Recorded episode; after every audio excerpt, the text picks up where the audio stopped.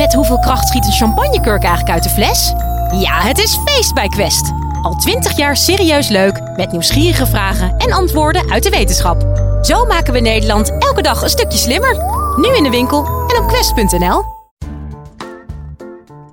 Eén kwakje sperma bevat al snel 150 miljoen zaadcellen.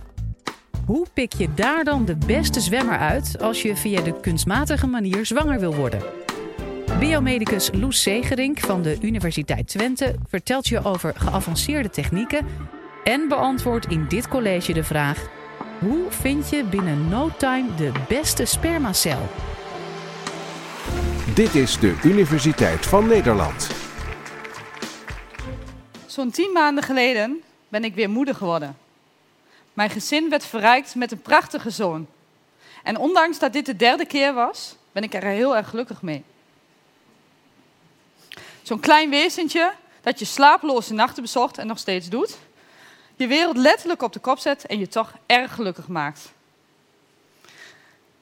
Helaas is dat niet voor iedereen weggelegd en een deel van de mensen moet hulp zoeken in het ziekenhuis. Dat is één op de zes stellen heeft problemen om binnen een jaar zwanger te raken. In zo'n fertiliteitscentrum vraagt dan de gynaecoloog naar de levensomstandigheden. Dus drink je veel bier? Rook je veel? Heb je veel stress? En daarna zal er een vruchtbaarheidsonderzoek plaatsvinden. Voor de vrouw houdt dat in dat er gevraagd wordt hoe de menstruatiecyclus is. Er wordt lichamelijk onderzoek verricht en er wordt gekeken of er een ijsprong plaatsvindt. Nou, voor mannen, het is een stuk eenvoudiger. Zij krijgen een potje mee, die mogen ze vullen, binnen een uurtje weer inleveren en dan wordt dat geanalyseerd. Dan wordt er gekeken naar het volume, de concentratie en de bewegelijkheid. Nou, hoe ziet zoiets eruit? De laborante krijgt het potje, het zijn vaak vrouwen, dus je kunt je voorstellen dat de man zich niet helemaal op zijn gemak voelt. Die krijgt zo'n potje, neemt daar een druppeltje uit en plaatst het onder de microscoop. En wat krijgt ze dan te zien, of hij te zien? Je ziet zwemmende zaadcellen, af en toe een rode bloedcel voorbij komen.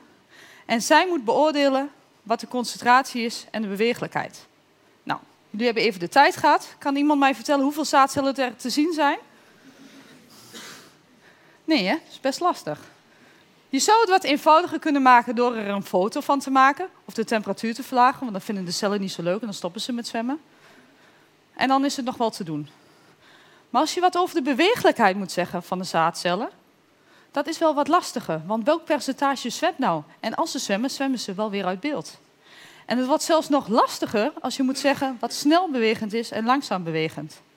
En toch heeft de gynaecoloog die informatie nodig om de juiste behandeling te kiezen. Nou, binnen de Universiteit Twente hebben we tien jaar geleden bedacht om daar een oplossing voor te bedenken. Wij ontwikkelen een systeem waarmee je op een objectieve wijze de zaadkwaliteit van de man kan bepalen. En we gebruiken daarvoor een laboratorium op een chipformaat. Het bestaat uit een microkanaal. Zie je drie chips naast elkaar liggen met een microkanaal ertussen. En dat kanaal is kleiner dan de diameter van je haar. In dat kanaal hebben wij elektrodes geplaatst. En de zaadcellen stromen één voor één daar voorbij. En we kunnen ze op die manier tellen en dus wat over de concentratie zeggen. Nou, dat is mooi. Daar zijn mannen blij mee, want dan denken ze: God, dat kan ik dan thuis doen in plaats van dat ik met mijn potje over straat moet. Idealiter zou dat ook zo zijn, zover zijn we nog niet, maar de eerste stappen zijn genomen. Echter, gebaseerd op dit onderzoek, dus of mensen een goede zaadkwaliteit hebben, wordt de behandeling gekozen. En er zijn verschillende behandelingen mogelijk. Vaak begint men met IUI, dat is intrauterine inseminatie. Dat houdt in dat op het moment van de ijsprong de zaadcellen van de man bij de, in de vrouw worden gebracht. Dus wat moet er dan gebeuren? De vrouw krijgt meerdere echo's om te bepalen wanneer de ijsprong plaatsvindt. En is het moment daar, dan moet de man zijn zaad inleveren en brengt de gynaecoloog dat in de baarmoeder. De romantiek is dus ver te zoeken. Mocht dit dus niet lukken, na een paar aantal pogingen, dan gaat men vaak over op IVF. En dat is in vitro fertilisatie. Dat is wat complexer en ook wat minder uh, fijn voor het gestel. Want in dat geval worden de eicellen uit het vrouwelijk lichaam gehaald. Die worden op petrischaaltjes gelegd. En dan gaan dan honderdduizenden zaadcellen omheen zitten. En die gaan dan vechten om de bevruchting van die eicel. Is dat dan gelukt, dan wordt er dan dat teruggeplaatst in de moeder of in de vrouw. En dan hoop je dat er na een paar dagen zwangerschap optreedt. Helaas is het zo dat niet bij alle mannen zoveel zaadcellen aanwezig zijn en dan kun je er ook voor kiezen om ICSI te doen. En bij ICSI wordt er een laborante kiest dan de zaadcel uit die zij geschikt vindt en die injecteert zij dan in de eicel. Dus zij bepaalt eigenlijk uiteindelijk hoe het nageslacht eruit gaat zien. Voor al deze behandelingen, zowel IUI, IVF als ICSI, is er een selectie van de zaadcellen nodig. Daarbij wordt het zaad gewassen, zodat de goede bewegende zaadcellen eruit gehaald worden en de dode niet bewegende weggegooid worden. Dat zou tenminste in de ideale situatie zijn.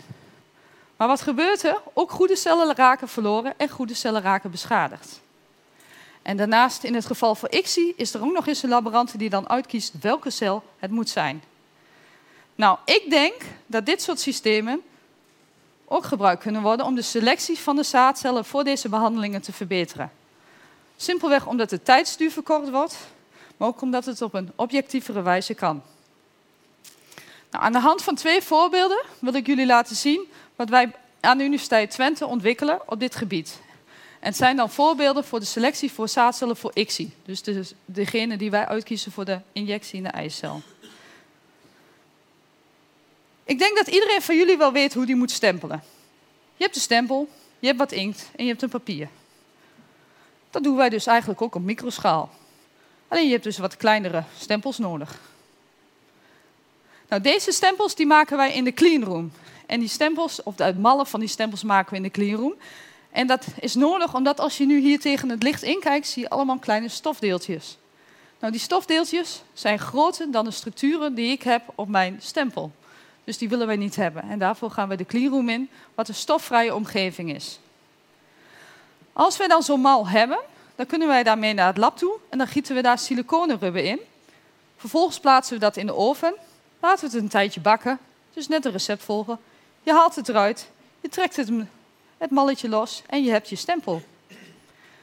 Dat we dat kunnen blijkt van wat als wij als fibronectine een bepaald eiwit als inkt gaan gebruiken en dat op een oppervlakte stempelen, dan kunnen wij zaadcellen vangen.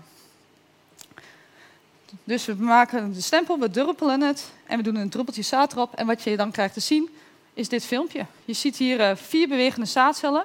Eén is nog zoekende naar een spot, maar uiteindelijk zal hij hem gaan vinden.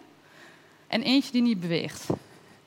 En het grappige is dat die zaadcellen gewoon blijven zwemmen, ook al zitten ze vast aan het oppervlakken. Nou, kan ik dit gewoon met de microscoop bekijken en dan zeggen, nou, die uh, die wil ik hebben voor die uh, ICSI. Maar we zouden ook met beeldanalyse kunnen kijken welke de beste is. Dus welke draait het snelst rond? Want misschien is dat wel iets wat zegt over de kwaliteit van die zaadcel. En dat we dit ook kunnen laten zien en dat het niet science fiction is, is te zien aan de volgende beeldanalyse die uitgevoerd is door ons. Hier zie je diezelfde zaadcellen weer, maar nu zijn die blauwe lijntjes zijn de bewegingen van de zaadcellen om de spot heen. Op deze manier zijn wij dus in staat geweest om de verschillende eigenschappen van de verschillende cellen te bekijken. En wij denken dat we op die manier een objectieve maat hebben om te zeggen welke zaadcel het beste is. Naast deze methode hebben we ook andere methoden bedacht om zaadcellen te bekijken en te vangen. En met dit geval maken we gebruik van een microfluidische chip. In die chip hebben wij een filter geplaatst op zodanige wijze dat de kop van de zaadcel, die 2 bij 5 micrometer is, niet door het kleine openingetje kan en de andere zaadcellen wel. Of uh, de staat van de zaadcellen wel. Op die manier zijn we dus in staat geweest om heel veel zaadcellen naast elkaar te plaatsen. En die kunnen we dus ook gewoon gaan bekijken. Nou, dit kun je dus gewoon met een microscoop doen. Maar je zou er ook bepaalde kenmerken kunnen highlighten, zoals wij dat doen. En dat kun je met fluorescente kleuringen doen. Fluorescente kleuringen zijn in staat om bepaalde kenmerken van de cel te kleuren. Zo kun je dus bijvoorbeeld dode cellen rood maken, de levende cellen groen. Maar je zou ook wat over de specifieke eigenschappen van die zaadcel kunnen zeggen. Als je een goede zaadcel hebt, heeft hij een soort helmpje om zijn kop heen. En daar zit een eiwit in, of een enzym in. Dat is een stofje die nodig is om de eicel te penetreren. Dus door, door die eicelwand te dringen. Dat heb je dus wel nodig, wil je een uh, vrouw zwanger maken. Maar heel veel mannen die dus verminderd vruchtbaar zijn, hebben dat niet. Nou, dat zou je dus willen kunnen meten. En dat hebben wij laten zien dat dat ook in ons systeem kan.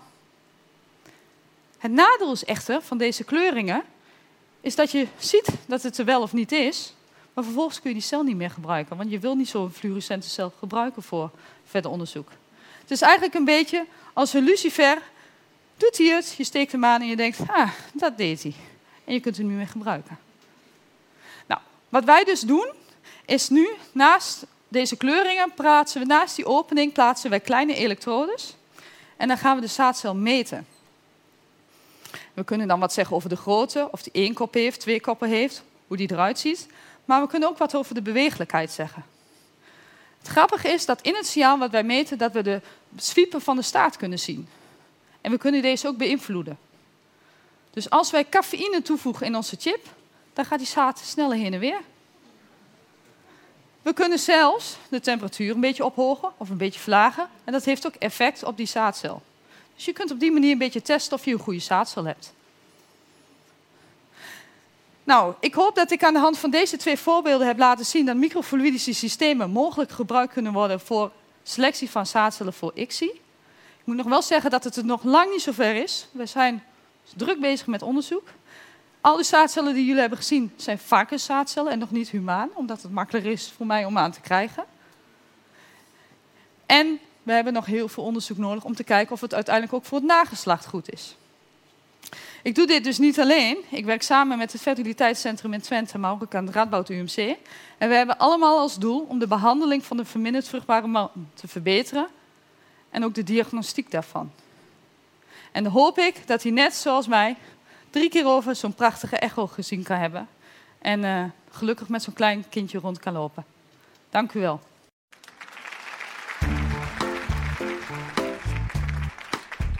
Dit was de Universiteit van Nederland. Wil je nou nog meer horen, bijvoorbeeld over de vraag waarom zoveel millennials kampen met een burn-out?